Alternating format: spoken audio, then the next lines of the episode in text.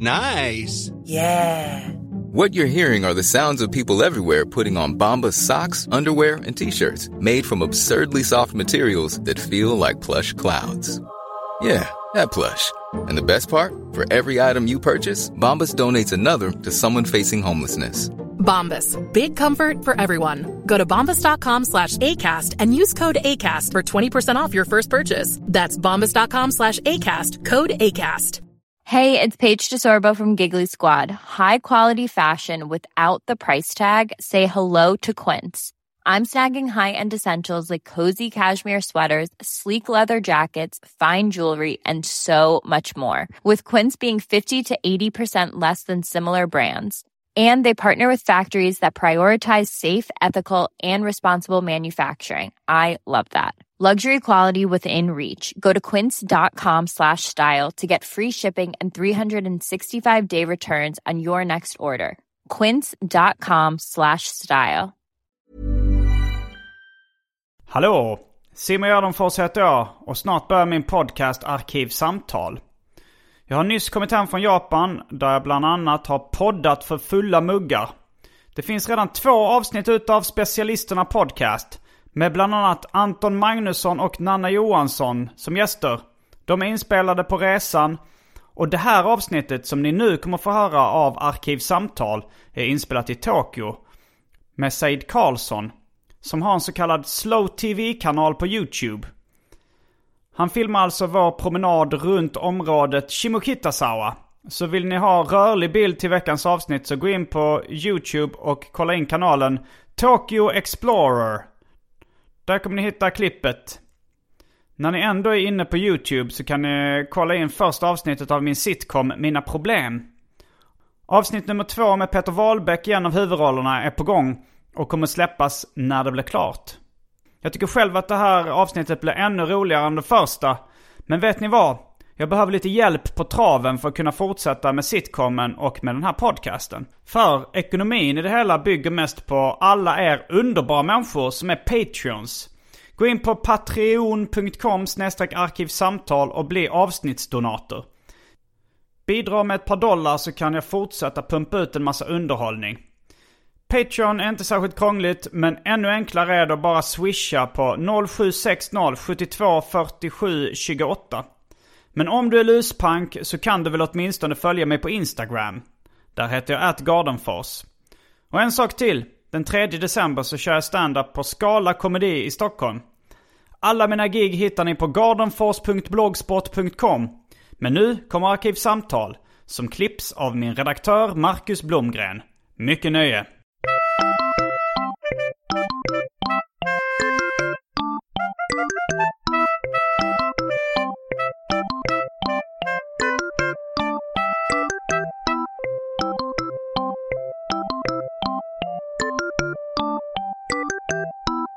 Hej och välkomna till Arkivsamtal. Jag heter Simon Gärdenfors och bredvid mig så står uh, Said Karlsson. Välkommen hit. Tjena, tack. Hej. Vi uh, är i Shimokitazawa i Tokyo. Uh, och du har en kamera i handen Mm. i, en, i en gimbal. Mm, det stämmer bra det. det stämmer bra det. Ehm, jag ska filma ett avsnitt till min nya YouTube-kanal. Mm, du har startat någon slags slow tv-kanal. Ja, det Vill, du- stämmer. vill du börja gå eller? Ja, det tycker jag. Det är väl bra om vi går samtidigt. Eh, ja, jag har startat en, en ehm, YouTube-kanal som um, det ägnar mig åt det här som kallas för Slow TV. Så att jag filmar ehm, långa promenader i Tokyo. Mm, det är bara promenader i Tokyo du, du kör på. Eh, just nu i alla fall. Eller ja, det, jag har lagt upp en promenad från Stockholm eh, och en från Okinawa. Men eh, de är inte så populära utan det är Tokyo som tittarna vill se. Mm. Vad, vad heter din eh, slow tv-kanal på YouTube? Den har det väldigt fantasifulla namnet Tokyo Explorer. Ja, det, var, det var ungefär ett år sedan jag var i, i Tokyo sist och då spelade vi in ett avsnitt som hette någonting med det japanska öronvaxet. Jaha. Om du, du minns inte det här? Nej. Jag tror det var min kompis Ville som jag Jo, hängde med då vänta, som jo, jo, jo. påstod att japaner hade någon form av torrt öronvax. Precis. Jo, men det minns det var jag. någon Det lång jag. historia. Mm, men, mm, eh, men det här är en av de grejerna då som har hänt sen sist. Att du har startat en, eh, en slow tv-kanal. Ja, det, det är en, ett nytt steg i min eh, multimediakarriär. Ja. Det är det. Ja, det blev verkligen multimedia nu att vi ska spela in en podd samtidigt som då vi Samtidigt som promenerar. vi prom- promenerar runt här i Shimokitazawa. Ja. Ja. Ja.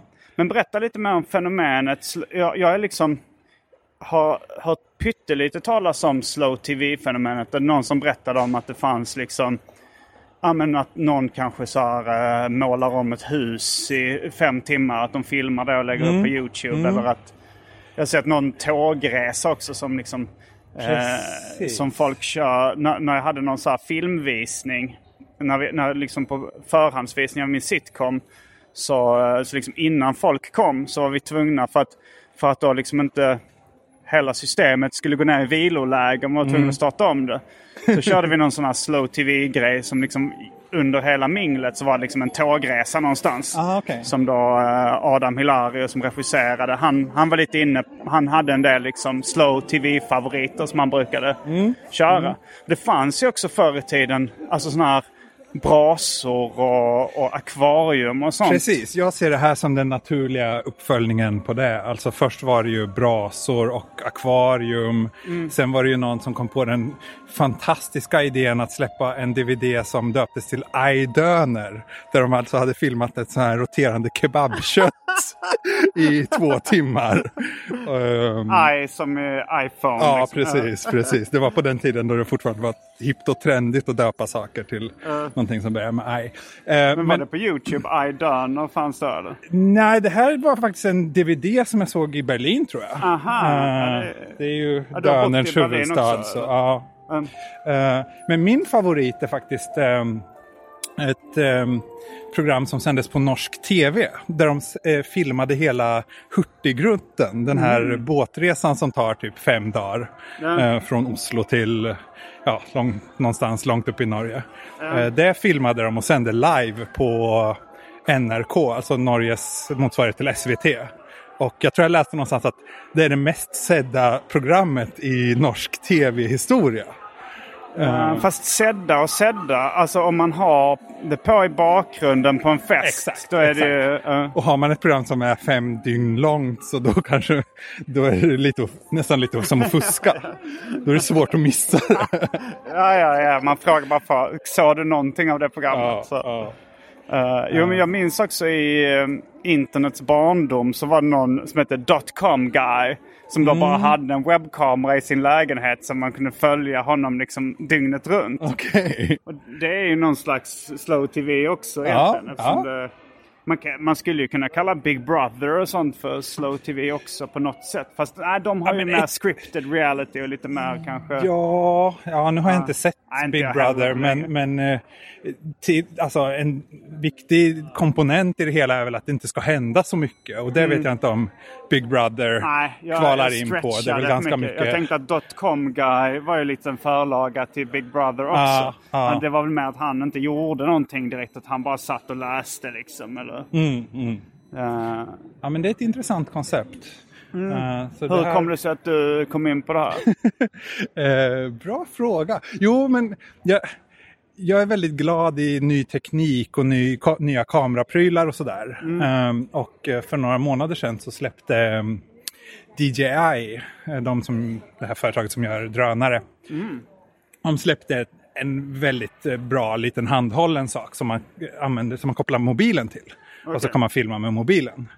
Ehm, så ja, jag köpte en sån lite spontant och så visste jag inte riktigt vad jag skulle göra, göra med den.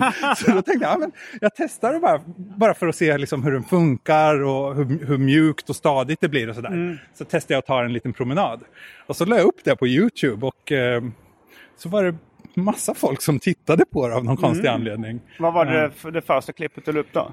Det var nog, eh, jag tror det var i Nakano. Det, där jag En bodde på den tiden. också. Ja, Ja. precis. Så jag bara gick ett varv runt mitt lokala kvarter. Nu går vi förbi en spelhall, en pachinko-hall, så det blev lite Ja. skränigt ljud när de öppnade skjutdörren. Men det här är nytt för dig också, att eh, liksom spela in on location. Ja, alltså att ta en timslång promenad. eh, Det, det är nog första gången vi gör det på, Ja. eh, i Arkivsamtal. Vi spelade in Specialisterna podcast i LA en gång och då så var det då, var det så, då hade jag en sån liten Zoom-mic också som vi tog med oss ut när vi skulle käka. Men, men det gav vi upp efter ett tag för det blev så himla Aha. stökigt allting. Men Ah, ja, ja. Vi spelade in typ halva först hemma och sen så tog jag med den i hallen. Och, Mm. eh, det, Men vi får, vi får försöka hitta lite lugnare, tysta kvarter. Nu är vi ju fortfarande på en av huvudgatorna här i Shimokitazawa. Men vi kan ju röra oss mot ett litet, ja, mer, vad ska man säga, mer bostadsområde där det inte händer så mycket. Ja. ja, men hittills tycker jag det funkar bra. Det blir lite också exotiskt att man får höra, höra en eh, pachinko-hall i bakgrunden. Um, pachinko det är då japanska eh, motsvarigheten till Jack Vegas, eller vad skulle du säga? Ja, men det kan man väl säga. Det är eh, så här, vardagsgambling för trasiga människor. Ja. Ehm, men... Men det är eh, massa små kulor som eh, ger ett öronbedövande ljud när de Precis, trillar det är ner. någon slags blandning mellan eh, flipper och typ enarmad bandit kan man väl säga. Ja, Ni som har sett eh, Lost in translation så finns det någon scen där de är inne i en pachinko slotthall. Okej. Jag inte minns det. Ah, det var rätt länge sedan jag såg den. Um, Ja, nu går det förbi en man här med stor blomma. Det var en extremt stor blombukett. En man gick förbi. Det är rätt roligt i kommentarerna och sådär på mina videos. Då är det folk som brukar kommentera sånt. Att så här, ja, men, åh, vad, vad gör personen här 13 minuter in i videon? Och liksom, vad, Men vad tror du det är många som tittar? Hur, de är en timme långa ungefär? eller? Eh, Ja, jag, alltså mitt mål är ju längre desto bättre. Men Mm. eh, jag skulle säga genomsnittslängden är kanske 45 minuter. Det brukar ligga mellan 30 till 45 minuter. Sen är det en del som är en timme. Och tror du det är många som liksom har sett hela, bara stirrat in i skärmen ra, ja, alltså under hela? Eller tror du det vanliga är att man har på det i bakgrunden när man kanske äter middag? Ja, eller? jag tror det. Alltså, syftet är ju inte att folk ska titta och titta på det liksom upp, med full uppmärksamhet i en timme. Det. I så fall måste man vara väldigt eh, intresserad av just det här kvarteret jag promenerar i. Eh, utan det är ju som, som sagt det här uppföljningen till Bras-DVDn. Något lite mysigt att ha på i bakgrunden och, och framförallt med ljud och sådär också tror jag att folk uppskattar. Alltså, speciellt folk som kanske har bott i Japan tidigare eh, och som saknar känslan av att vara här och så. Men du har du ljud, eh, ljudet på så spelar du in miljöljudet? För det var väl någon ambient musik på i bakgrunden eller någonting? Nej, det är bara miljöljud. Det är det? Okej. Ja, ja. Jag, fan, ja. jag, jag kollar lite snabbt på några men jag minns inte. en, det är en video som jag gjorde där jag prövade slow motion funktionen på min Okej. nya kamera och då blir det ju inget ljud. Nej. Så då la jag bara på någon så här Youtubes inbyggda stock music library. Okej. Jag tog den längsta, längsta låten jag hittade där och. Så det, ja. men, men i övrigt på alla andra videos så är det bara eh, miljöljud. Uh, ja men då, då kan ju faktiskt uh, Arkivsamtals lyssnare som vill kolla på den här videon också. Och se det lite vi pratar om. Jag ser just nu en väldigt snygg skylt, alltså Soup Curry, målad på väggen. Eh, och så är det en, eh, en gubbe med mustasch och en svävande soppskål. Ja, väldigt snygg faktiskt. Ja. Körde förbi en lastbil. Ja. Eh, men du själv, konsumerar, har du konsumerat mycket slow tv själv? Nej, det kan jag väl egentligen inte påstå. Alltså jag är inte någon, någon eh, jag gör inte anspråk på att vara någon slags slow tv-konnässör. Det, det gör jag inte. Men det är klart att sen jag startade kanalen så har jag blivit lite mer intresserad och Ja. tittar lite på vad andra gör och liksom om det finns eh, något man kan lära sig av folk om liksom, sätt att göra filmerna mer intressanta på eller eh, intressanta kameratekniker eller vinklar eller sådär man skulle kunna använda sig av. Men eh, alltså det är mer, jag är väl egentligen mer fascinerad av fenomenet. Alltså, Ja. Jag gillar allting som, alltså, som, som tar lång tid och kan kännas lite poänglösa. Eh, jag minns för några år sedan, eller det, är väl 10-15 år sedan nu. Ja. Då var det någon, jag tror det släpptes något spel till PC, någon ubåtssimulator. Där allting skedde i realtid. Så att det tog liksom flera månader att spela en omgång. Eh, det, det tyckte jag var en fantastisk idé. Jag prövade aldrig spelet själv, men, men jag älskade idén. Eh, Men jag tänkte eftersom du har ljudet på. Eh, Mm. Så det här YouTube-klippet kommer då vara podden också eller? Ja, det blir det ju. Eh, jag tänkte jag är inte säker på om jag kommer lägga upp det pratar. här. Ja, men nu, Eh. nu har vi ju sagt till lyssnarna att det kommer... Jaha. Ja, jag tänkte, ja men okej. Vi kanske får okej. lägga upp det på någon annan kanal då om du Ja, precis. Vi lägger, upp det, vi lägger upp det på din, Ja, på din kanal. Det kan på min Jag skänker det här avsnittet till dig. Ja. Så får vi se om jag lägger upp det på min kanal också. Ja. Men ja, de kanske tycker det är... Ja, det kanske är kul. Jag har en del svenska lyssnare också, men majoriteten är amerikaner. Är det? Mm. Jaha, jag, kunde tänka mig att det var japaner som Nej. ville se sitt eget kvarter. Japaner Men... är det knappt alls. Nej. Utan det är USA är etta. Sen tror jag Thailand är ganska högt Mm. i rankingen också. Det har väl gått rätt bra för din eh, Slow TV-kanal? Ja, den växer ju så det knakar. Alltså egentligen, jag har bara gjort det här. Alltså för en månad sedan så bestämde jag mig för att testa att jag ska lägga upp ett klipp varje dag. Och se vad som händer. Om det liksom Alltså du fångar, folk, om dagen? fångar folks intresse. Ja, alltså det är ju inte så krävande. Nej. Det jag är mest ute och flänger med min laptop och jobbar från olika kaféer och sådär ändå. Så att, att ta en paus i tre kvart och promenera runt kvarteret är inte så, det är inte så krävande.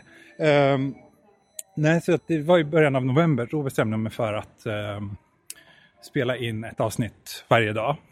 eh, för att se vilken effekt det får på kanalen. Och det har ju gått över förväntan. Alltså nu växer den väl med typ 500 eh, subscribers i veckan. Tror jag. Oj, 500... eh, ja, Ja. Det är eh, skitmycket.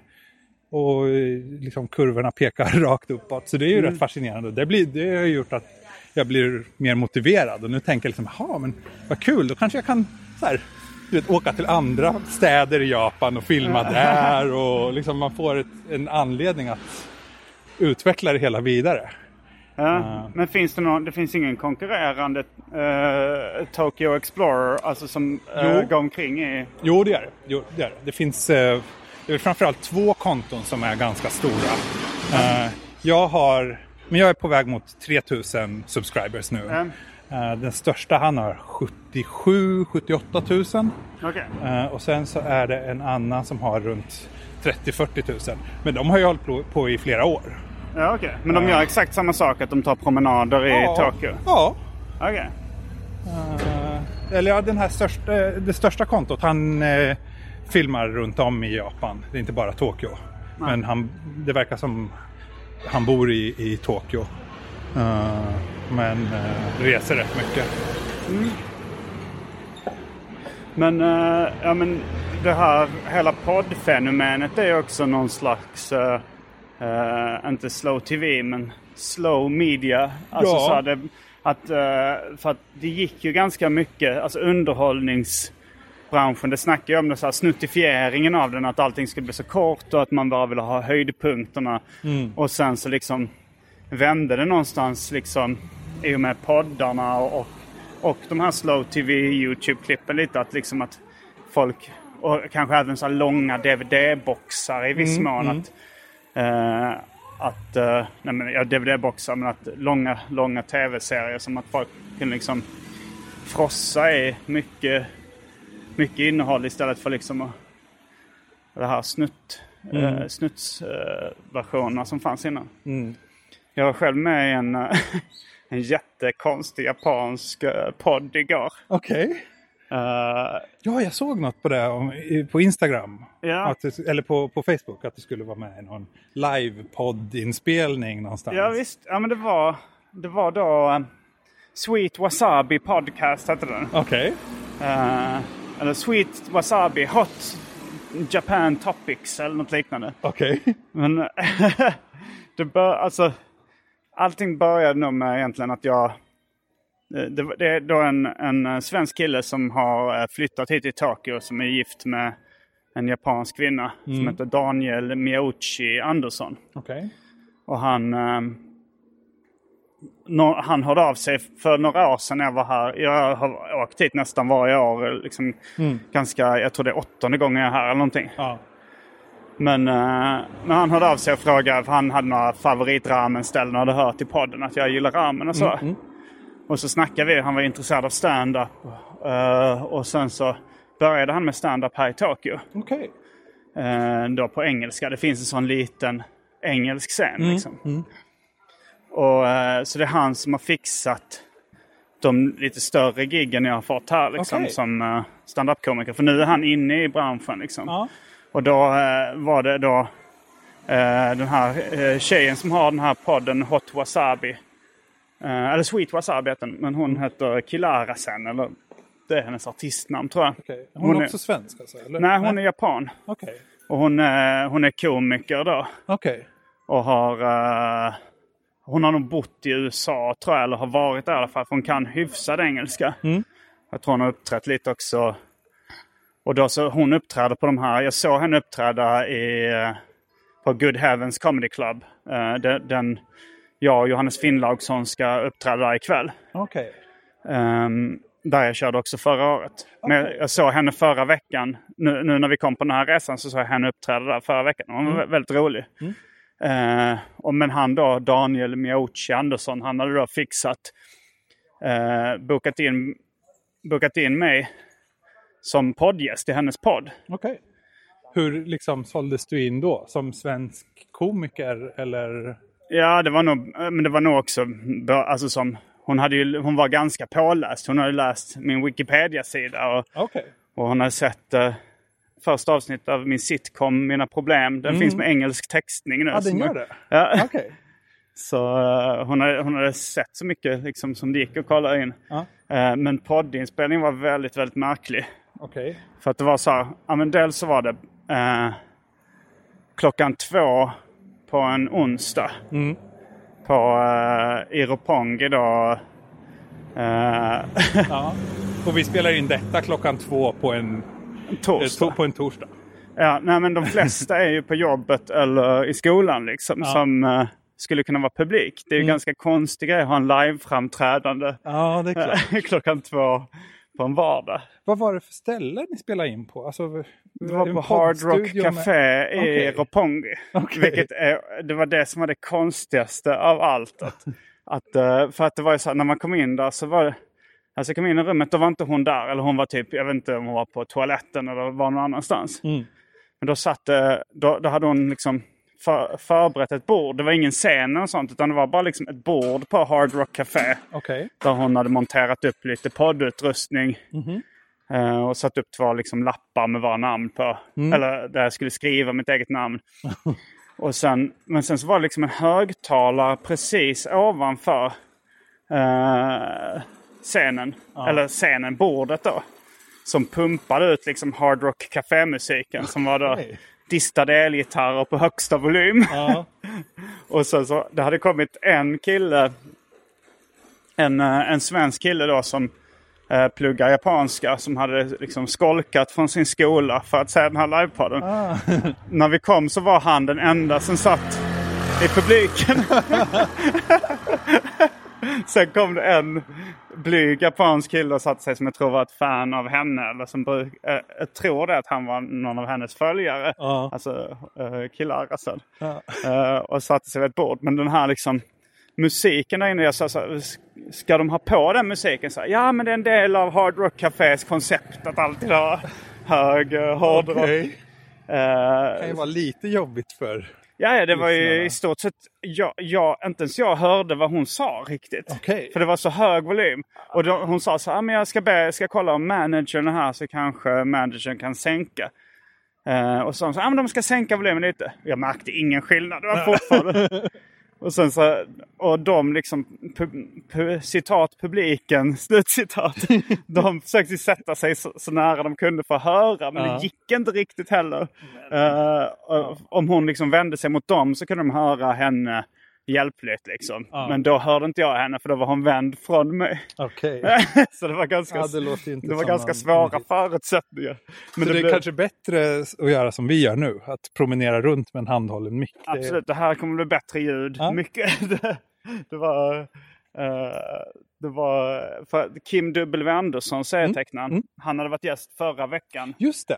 Just det. Med samma då. Det Mm. var han Daniel också som hade eh, fixat den kontakten. Mm. Den här svenska killen då, Ante, som jag hängde med sen. Vi, Mm. vi gick ut och liksom käkade ramen och var på arkadhall efteråt Okej.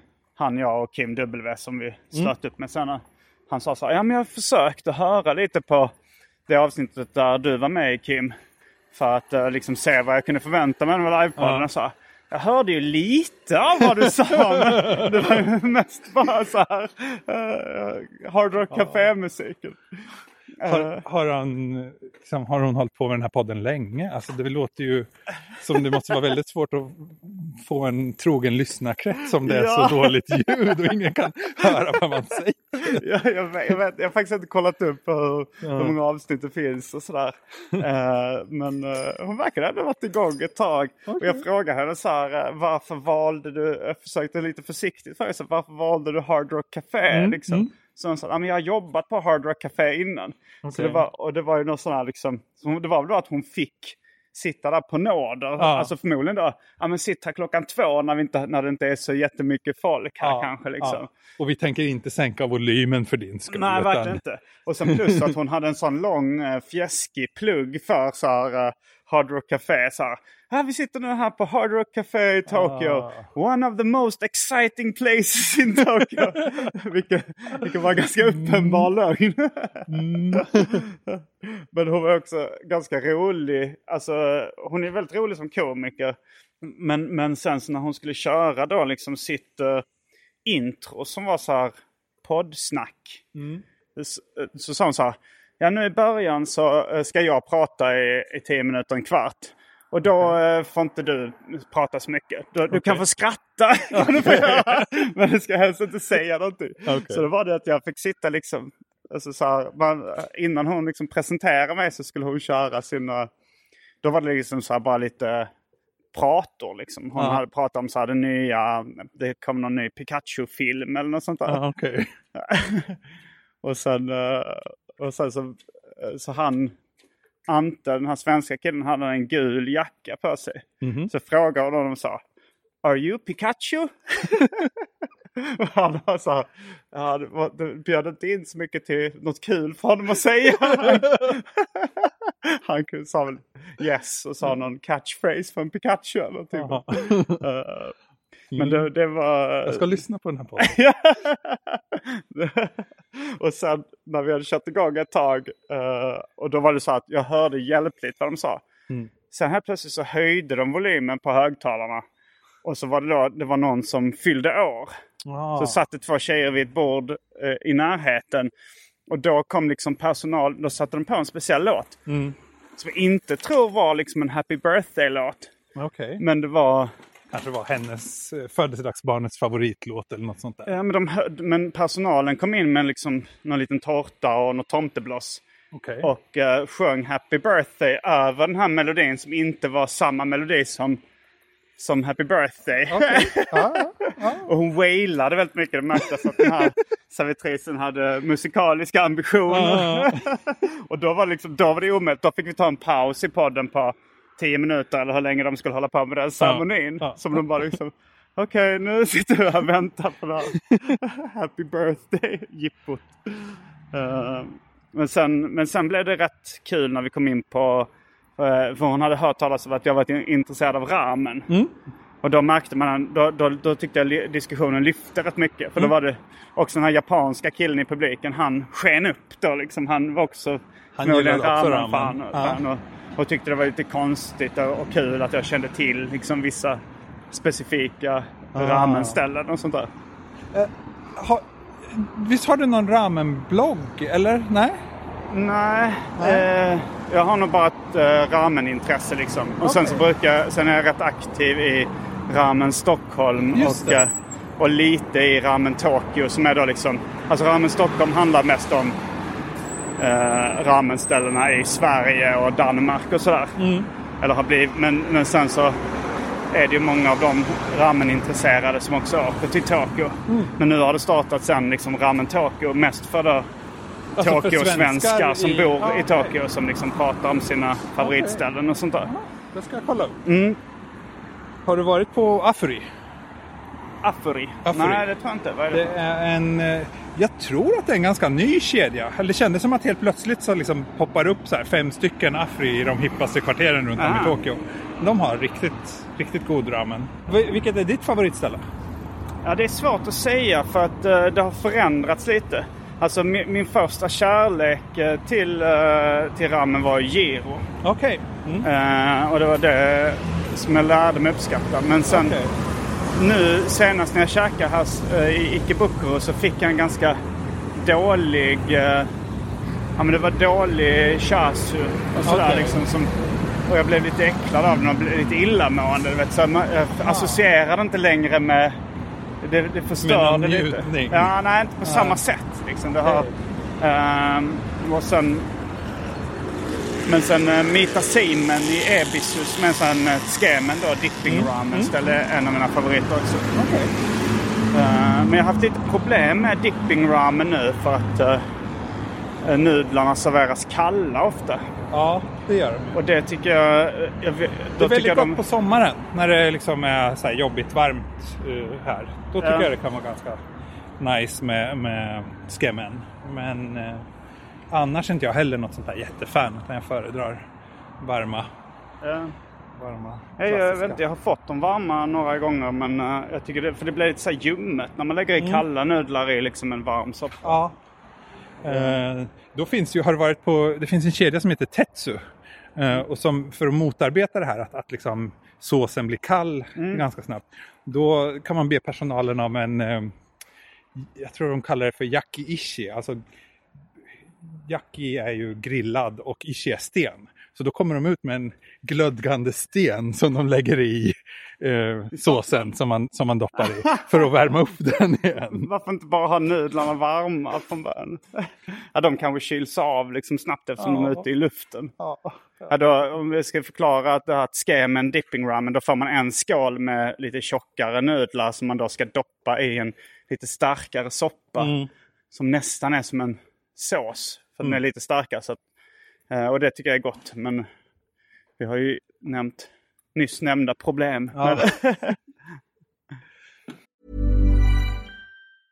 Ready to pop the question? The jewelers at BlueNile.com have got sparkle down to a science with beautiful lab grown diamonds worthy of your most brilliant moments. Their lab grown diamonds are independently graded and guaranteed identical to natural diamonds, and they're ready to ship to your door. Go to BlueNile.com and use promo code LISTEN to get $50 off your purchase of $500 or more. That's code LISTEN at BlueNile.com for $50 off. BlueNile.com code LISTEN.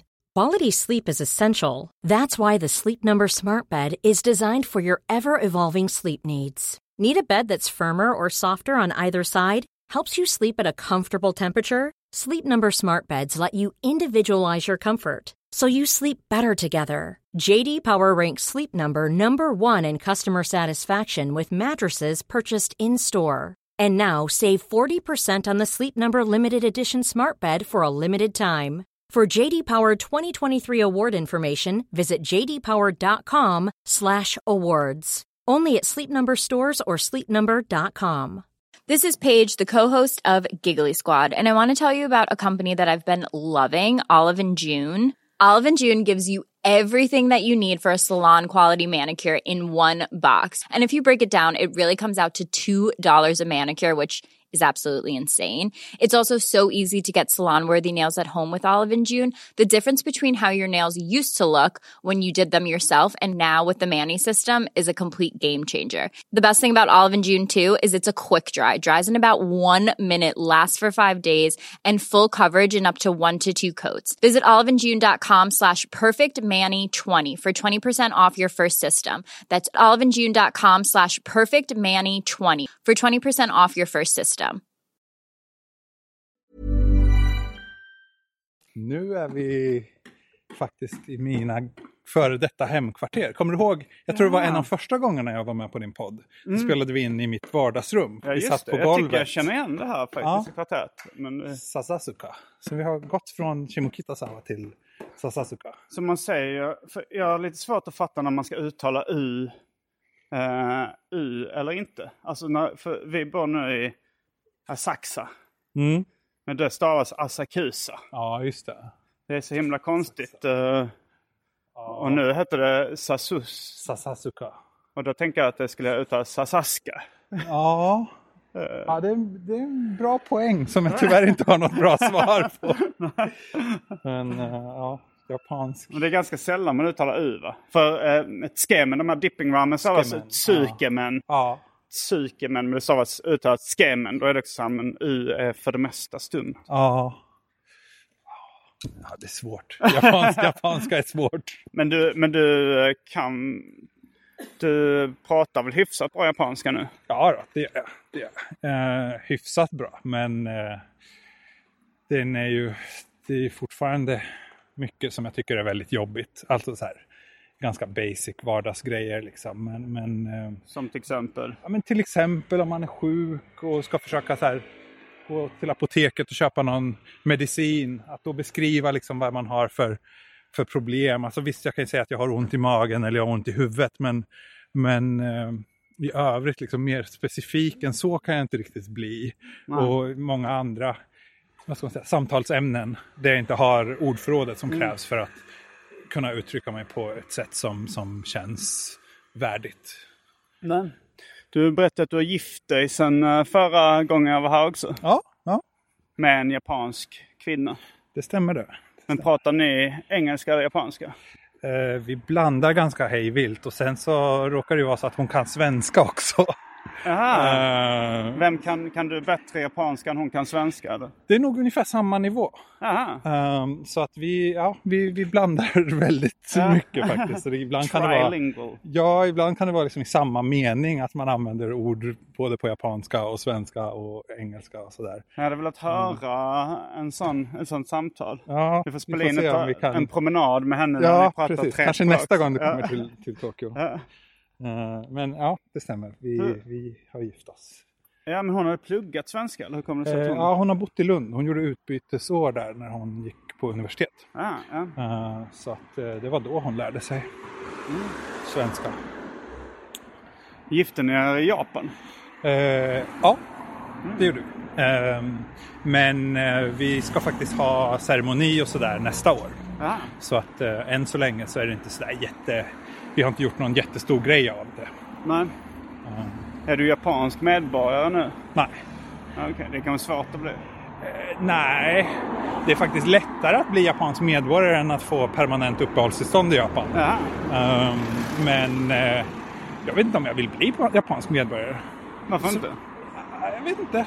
Varför skulle jag vilja det? Liksom, jag, jag ser inte riktigt vad fördelarna skulle vara. Nej, för sig, jag tänkte uppehållstillstånd. Om du har det så är det ju permanent uppehållstillstånd. Är kanske skönare då än, än Ja, det är det ju. Och jag menar, är man gift med en japansk medborgare så får man ju automatiskt uppehållstillstånd. Ja. eh, I princip. I alla, fall, I alla fall om man är svensk och gift med en japan. Då är det, är det väldigt lätt att få uppehållstillstånd. Det kanske är svårare om man kommer från något, jag vet inte, sydostasiatiskt land.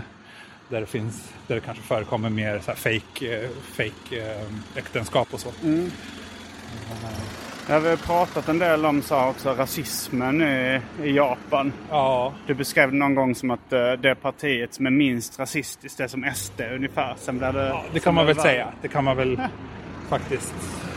Det är väl fortfarande sant. Alltså. Det, det är väl. Det är svårt, svårt att beskriva för folk som inte är så bekanta med liksom, Japan och, och kulturen här. Men alltså, det, det handlar ju egentligen mer om någon slags naiv ignorans snarare än en genuin illvilja. Det är inte liksom så att folk folk i någon större utsträckning tycker illa om utlänningar här. Utan det är mer bara att Inte en- ens som en- kineser och koreaner. alltså, kineser och koreaner, då finns väl ganska många japaner som genuin inte så... illvilja. En genuin illvilja i många fall, det gör det.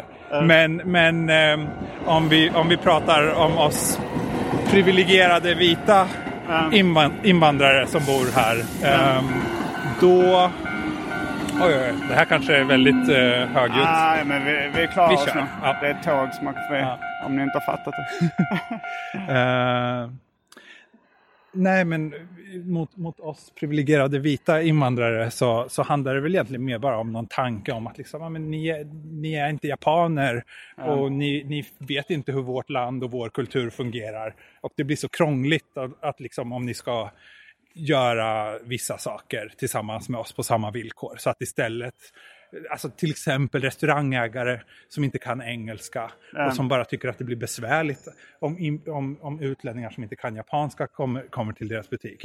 Då i vissa, vissa fall så kan det förekomma att de, att de inte vill ha utländska kunder. Men det, har det betyder det inte någon att gång de... här, Japanese only, Ja, Japanese only. Precis. Men kanske ofta också när du har haft någon mörkhy, någon svart med i sällskapet så är det lite vanligare att de kör Japanese only. Ja, jo, men det är klart. Då, då, då är, det, är man kanske mindre populär. Um, Tyvärr. och det är, ju, så. det är ju fruktansvärt att det ska vara så. Men, men ehm, det finns det väl kanske en lite mer utbredd rasism mot, liksom, mot svarta och så. Här, Det gör det. Ja, Ehm, då var det ju rätt illa ändå. ja, okej då. nu, Men- håller på, nu håller Side på att byta batterier till Precis. kameran här så det är därför vi... Stannar lite. så- Jag skulle säga att i i många fall så handlar det mer om, om eh, bara en rädsla för obekväma situationer. Mm. Snarare än, än ett genuint förakt mot, mot eh, andra folkgrupper. Jo, men det är väl ofta så också i de flesta delar av världen att, eh, att vita har lite högre status ändå liksom. Men att... eh, men, men det var ändå det var rätt roligt i, i morse för det var en sån hamburgerrestaurang som ligger precis där vi bor. Och eh, eh, så... eh, Och där försökte jag först komma in liksom och, och käka. Och då sa de så här att det var stängt. Och då vet jag inte om det berodde på att det var så att han inte orkade prata engelska eller om det verkligen var stängt då liksom. För det var, ju- det var han och någon till där liksom. Okej. Eh, och sen så Albin, min kompis som jag reser med nu. eh, vi reser ett rätt stort gäng. Men han, var en av, han sa att ah, men den, den såg väldigt bra ut den burgarrestaurangen. Wadada hette den. Wadada. Eh, Okej. det, det var uh, reggae-tema. Och, Dead End Street står det här. aha, Dead End Street vid en återvändsgränd här. Nej men så han, så det såg ut som väldigt bra burgare. Så han, Albin gick in där och så sa han så här, att han verkade inte vilja servera honom. Det var nog då också att han var rätt, kände sig dålig på engelska. Liksom. Ja. Men till slut så lyckades han övertala honom. Och så fick han käka det. Mm. Och så var det så att ja, men han beställde in en öl och, och, eh, och ville ha så här dubbel ost på sin burgare. Två sorters ost som han Ja. tyckte var rätt konstigt. Eh, men sen så tänkte jag, ja, men jag vill testa det stället också. Eftersom han har gjort det. Så jag gick dit nu i morse innan då. Mm.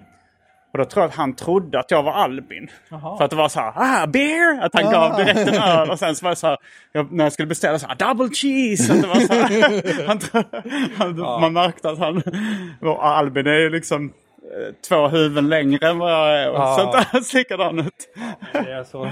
Vi, vi svenskar ser ju likadana ut allihopa. Det, det är inga konstigheter.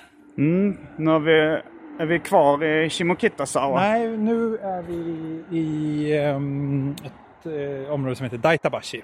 Där jag också har bott faktiskt. Ehm, så det är väldigt eh, nostalgiskt för mig att eh, promenera här. Jag har inte varit här på kanske fem, sex år. Men Hur länge har du bott i Japan nu egentligen? till och från i tio år kan man väl säga. Okej. Även om det har blivit en del hattande fram och tillbaks och, och sådär. Men eh, merparten av de senaste tio åren har jag haft en ganska stark, stark koppling till Japan. Eh, och nu, nu har du bestämt dig för att stanna eller ha, hur, hur känner du?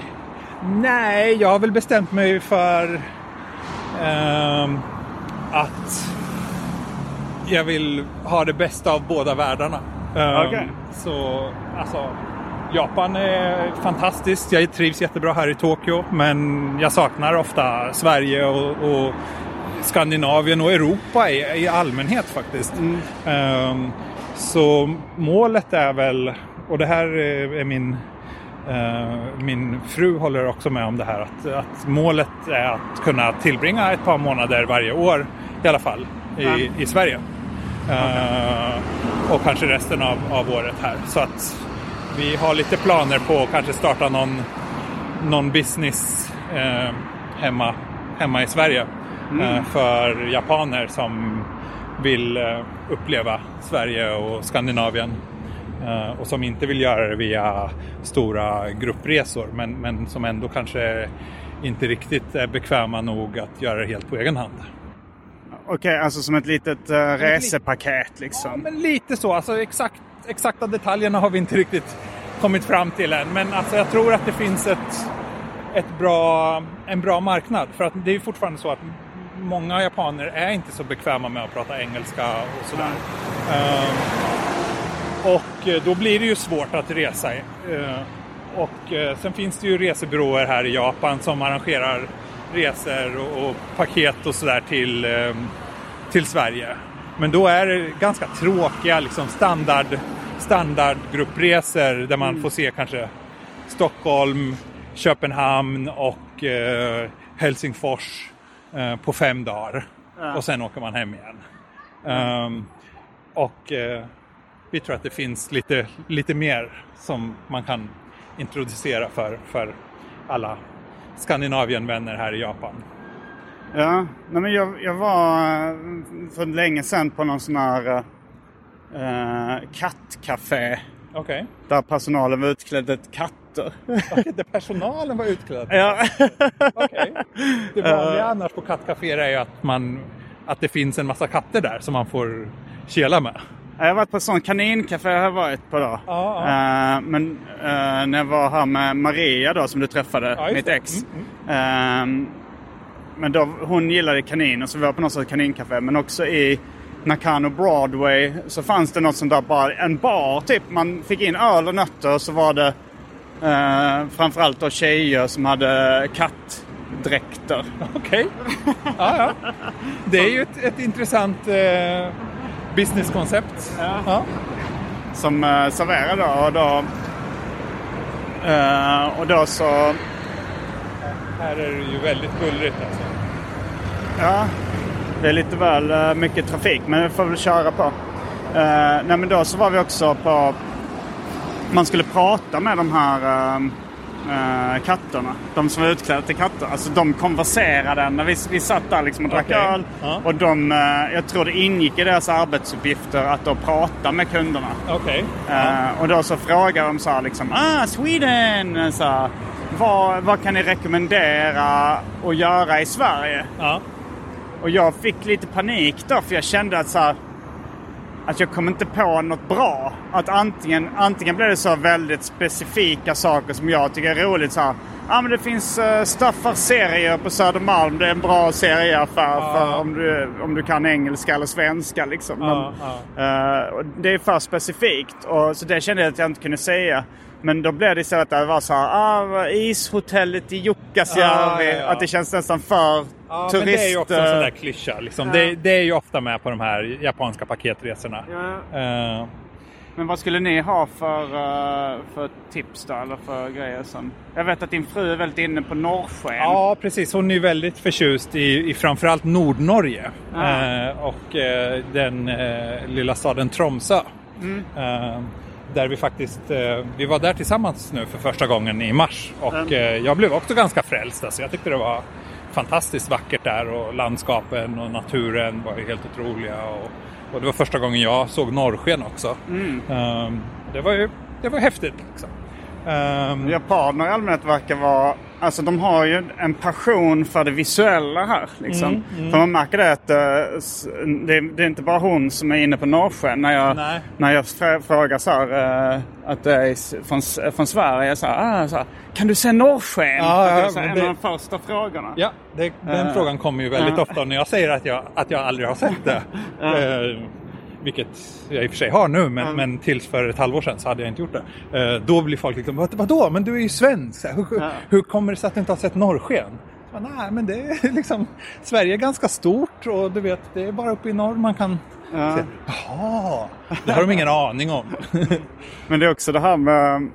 det finns, ja, men så här, de, de, de, det är någon grej med höstlöven nu. Att nu liksom är det säsongen när höstlöven faller. Jag fick den frågan av en med i podden. Så här, Mm. ah, men ska du gå ut och kolla på liksom, höstlöven som faller nu? Så här. Ja, Ja, nej. det är en väldigt stor grej här.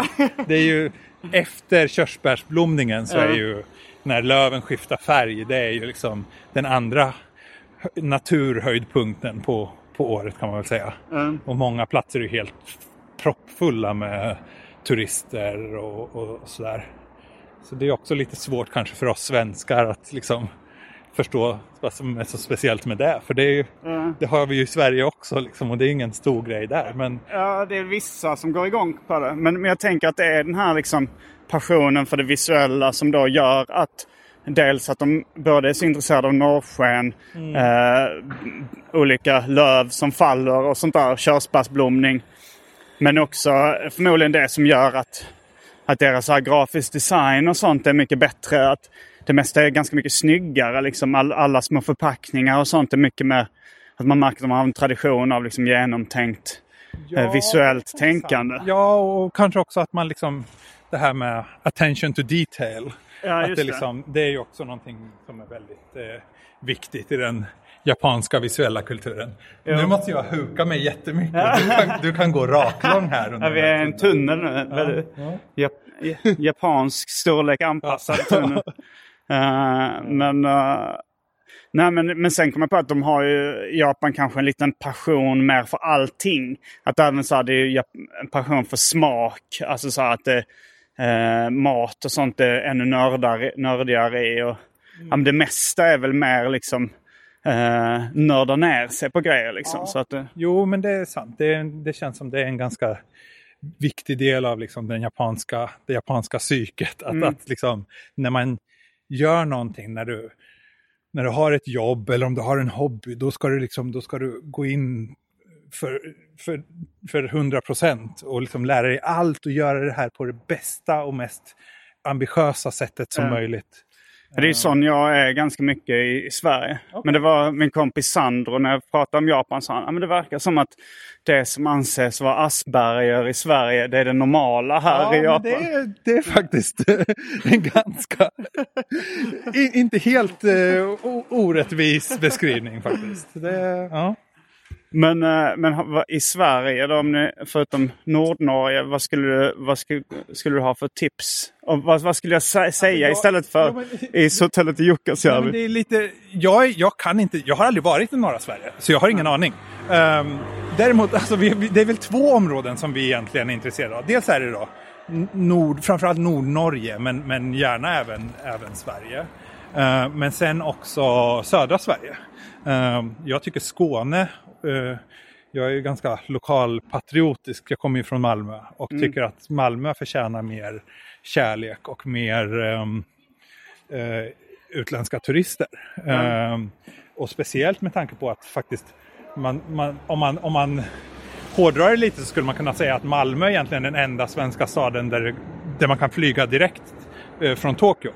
Ehm, alltså, Äh, ja, till Köpenhamn Köpenhamn då. men Köp, Köpenhamns flygplats ligger ju praktiskt taget, alltså det är ju närmare Köpen, från, mellan Malmö och Köpenhamns flygplats än det är från Tokyo till eh, Tokyos flygplats. Så att, ehm, så där tycker jag det är lite wasted opportunity. Alltså det känns som Skåne och södra Sverige gör nästan ingenting för att attrahera japanska turister. Eh, och det tycker jag att de borde. Eh, och speciellt eftersom ändå Malmö har väldigt mycket att bjuda på när det kommer till kultur och liksom saker att se och göra och väldigt bra restaurang, eh, restaurangscen och sådär också. Malmö? Ja, Jag tycker restaurangscenen i Malmö är inte jättebra. okej. Eh, Alltså så här, rätt mycket små, alltså street food och sånt. Alltså som falafel och halloumirulle och sånt är ju gott. Men det har liksom. väl hänt väldigt mycket. Alltså, jag, jag bor ju inte där så jag har inte så, så där jättebra koll. Men som jag har förstått det och som jag har läst mig till så, så, ska det, så låter det som att Malmö har en väldigt bra matscen i alla fall. Jag skulle säga att Köpenhamn eh, är jättemycket bättre. Alltså det är på, mycket möjligt. men eh, jag kom på en grej apropå eh, mat och eventuellt dryck. Vi har glömt en sak. Ja. Det är det omåttligt populära Ja. inslaget Välj drycken.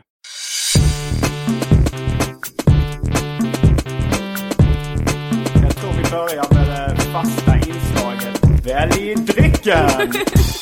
Ja. Jag tänkte vi kan gå till någon kombini eller någon um, dryckesautomat. Jag ser faktiskt en dryckesautomat. Ja, det är den här Mitt framme. norra öga skådar. Ja. Så då kan du också få vara lite guide till vilka, olika, vilka alternativ som finns i de här. Absolut. Kombini är då alltså convenience stores som 7-Eleven och Sunkus har jag inte sett längre. Sunkus, eh, faktum är att jag tror sista Sunkus eh, bommade igen för bara några veckor sedan. Fan vad tragiskt. Ja, det är jätte, jättesynd faktiskt. För det är ju... Det Den roligaste kedjan det är då en, det, det är en ganska uppenbar 7-Eleven kopia. eh, men de har ett Sunkus står det och så har K då keps och stövlar. Och eh, det ser lite ut som en, en ståkuk. eh, det här ena benet av K som står upp eh, på den här som bildar någon slags gubbe. Men ni kan ju googla Sunkus-logotypen. Det, det, vet du var namnet kommer ifrån? Nej. Det är alltså det japanska uttalet för thanks. Va? Sanksu. Och Sanksu och sen så Sunkus. Så, ja. Sanksu. Okej, ska vi gå till den här dryckesautomaten på andra sidan gatan? Ja, fast det är ganska tråkigt. eh. Vad tycker du? Vi ska gå till väldrycken. Jag tror det finns en kombini här framme om jag inte Mm. har. Um, Ja, de har ju lite olika kombinis. Family Mart. Uh, vad är det med? Lawson. ja, nu är det väl bara egentligen de tre som finns kvar tror jag. För förut Mm. var det ju Sunkus och eh, AMPM fanns det också. Mm. En som hette, men det var många år sedan de slog igen. Sen finns det ju många små lokala kombinis och sådär. Men jag tror att nu är det nog bara de tre som finns liksom över hela Japan. Ja. Så det är ju lite trist. Jag såg en eh, japansk tidning för länge sedan där de gjorde ett reportage om uh, Pressbyrån i Sverige. De tyckte det var en cool kombini ja. vi hade där. Liksom. Ja. Då känner man den här hemmablindheten. Att Ja. Jag tycker inte det är coolt för fem öre. Men jag snackade också med någon japansk journalist för länge sedan som snackade om så här. Eh, I- Ikea here in Japan, we think Ikea is so cool. och det känner man inte heller att Ikea, Nej. Ikea skulle vara coolt. Kanske inte. Men, eh, men han tyckte också H&M var coolt. Men på samma sätt som jag kanske tycker att Uniqlo är lite coolt. Men som är Japans motsvarighet till H&M. Uh, mm, ska vi se om vi hamnar på någon kombini. Uh, vilket område är vi? Ja, nu ser du. En, eh, vad är det för någon? Eh, En Lawson va? En Larsson. Är det en bensinmack uh, från början, Larsson? Det känner jag inte till. Ja, Jag bara tyckte att de hade någon mack som hette Larsson. Okej. Men vi är inte tillbaks i Shimokitazawa? Nej, nu, utan nu är vi tillbaka i Sasasuka. Eh, det området där vi spelade in första Ja. poddavsnittet tillsammans. Vi knyter ihop säcken. knyter ihop säcken och snart har det väl gått en timme också. Ja, det har det ju snart. Det är lite, väldigt sen väl drycken för Ja. arkivsamtal. Vi, Ja. Jag tycker att vi liksom traditionsenligt så borde vi väl ta varsin strong zero. Ja, ja, ja, Eller? det- ja absolut. Nu ska, vi- nu ska vi inte uh, spoila för lyssnarna vad vi kommer välja, men det, det okej. ligger ju Men bra vi har, till. vi har ju inte avslöjat eh, vilken Nej. som är säsongens smak. Nej, det, det får bli Asiens sämsta cliffhanger.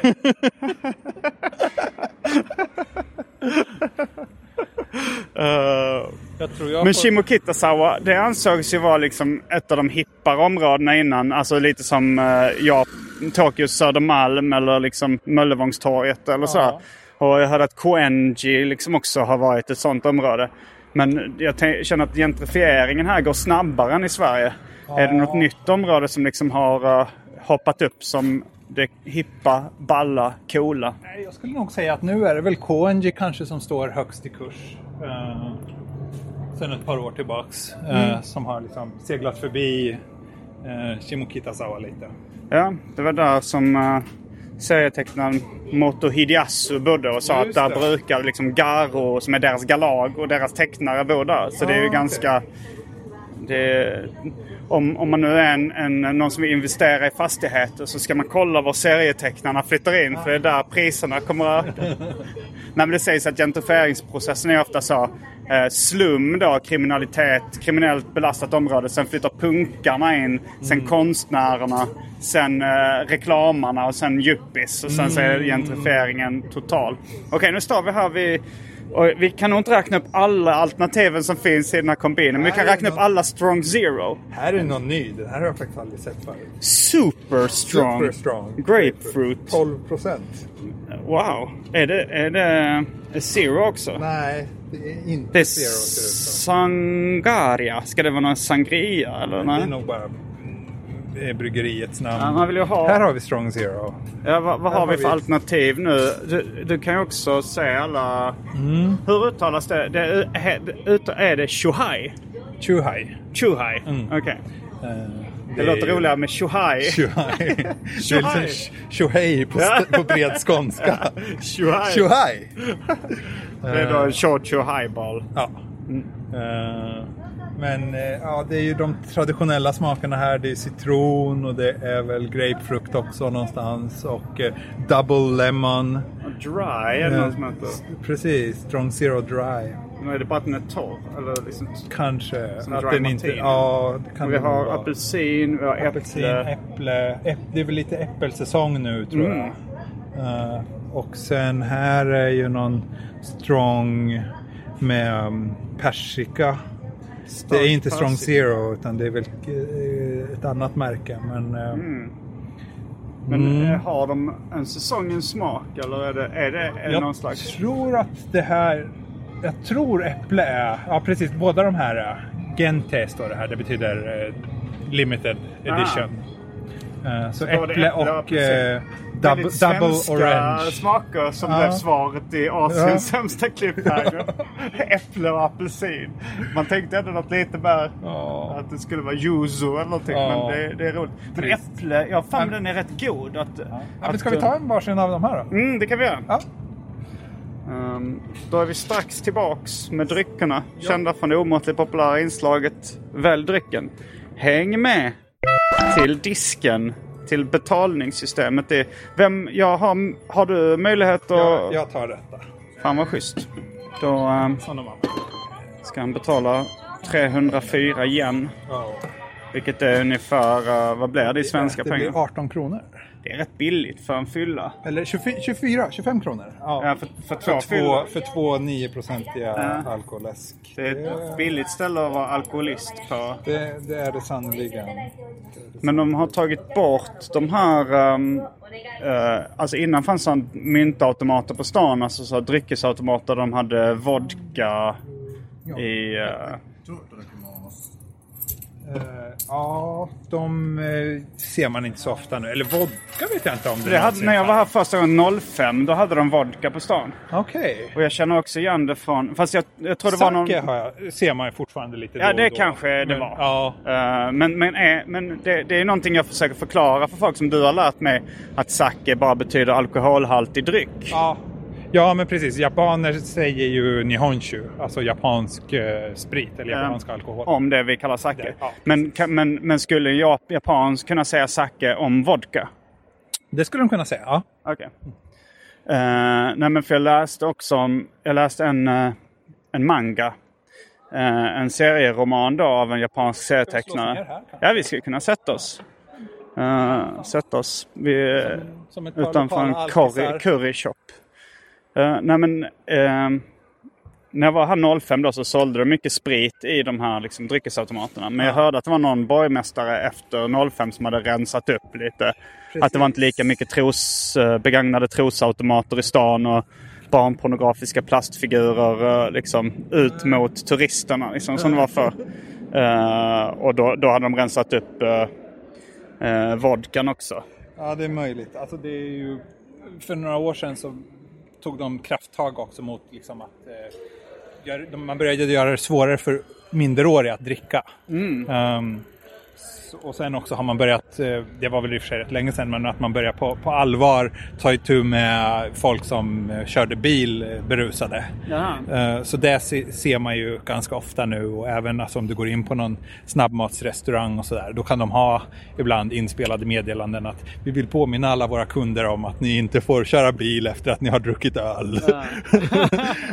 Och sådär. Och liksom när det är alkoholreklam då är det alltid att köp inte ut till, till eh, barn under, eh, under 18 år. Eller om det är 20 år till och med de säger.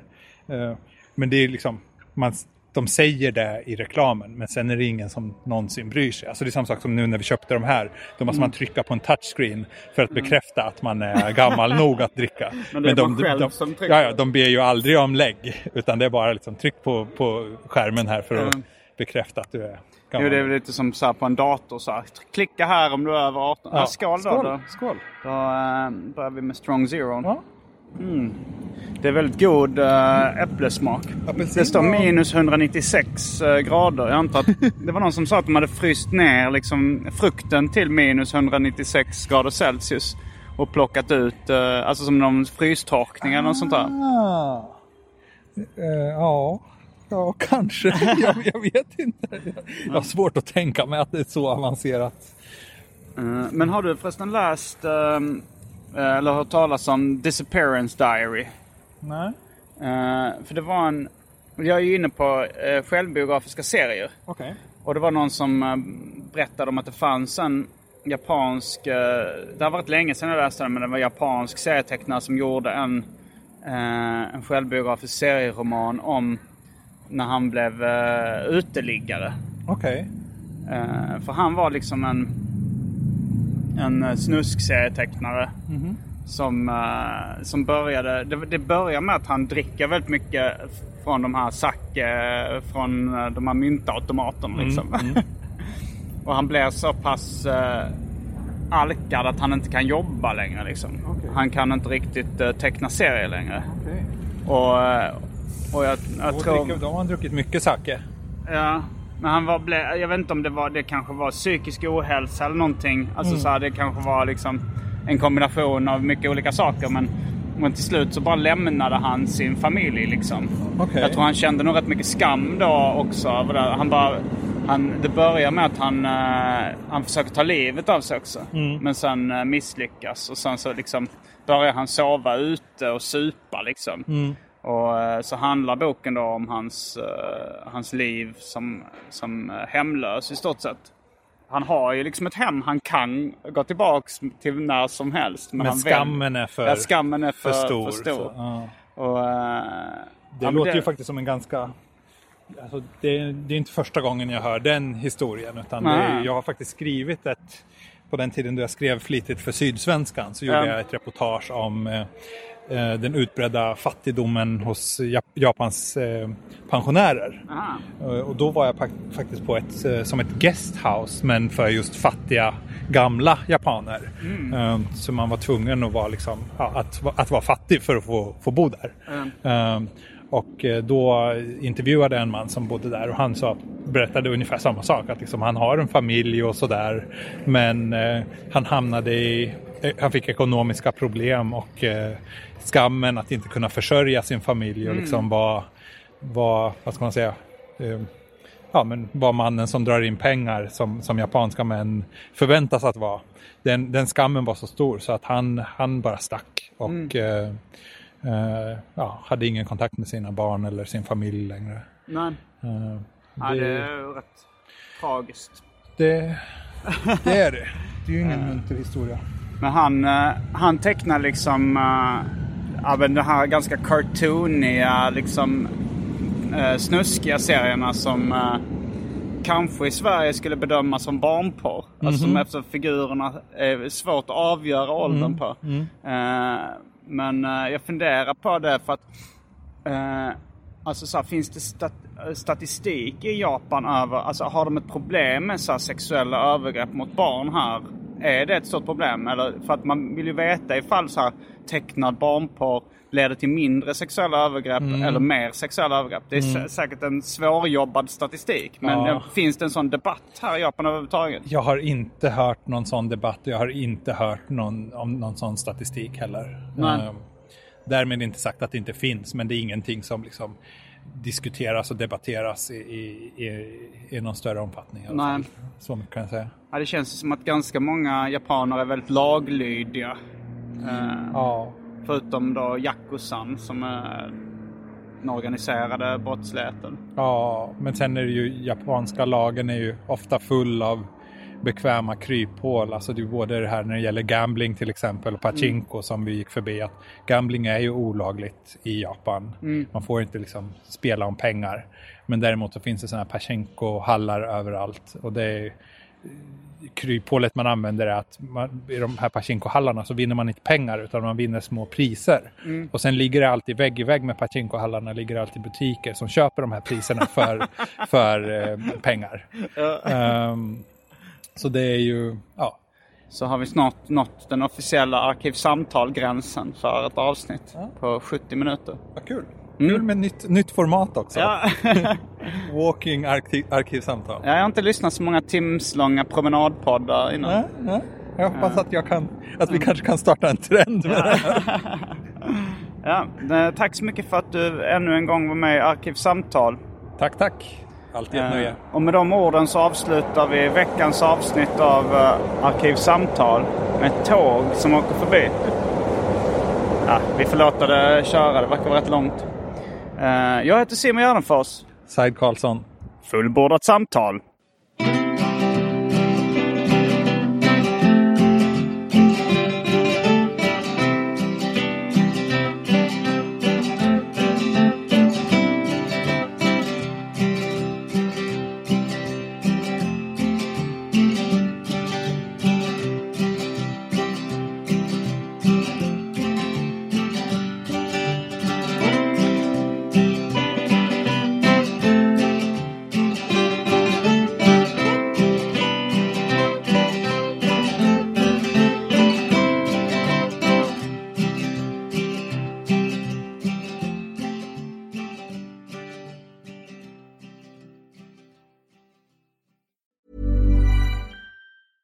Hi, I'm Daniel, founder of Pretty Litter. Did you know cats tend to hide symptoms of sickness and pain? I learned this the hard way after losing my cat, Gingy. So I created Pretty Litter, a health monitoring litter that helps detect early signs of illness by changing colors, saving you money and potentially your cat's life. Pretty Litter is veterinarian developed, and it's the easiest way to keep tabs on your fur baby's health right at home. Go to prettylitter.com and use code ACAST for 20% off your first order and a free cat toy. Terms and conditions apply. See site for details. Planning for your next trip? Elevate your travel style with Quince. Quince has all the jet setting essentials you'll want for your next getaway, like European linen, premium luggage options, buttery soft Italian leather bags, and so much more. And is all priced at 50 to 80% less than similar brands. Plus, Quince only works with factories that use safe and ethical manufacturing practices. Pack your bags with high-quality essentials you'll be wearing for vacations to come with Quince. Go to quince.com slash pack for free shipping and 365-day returns.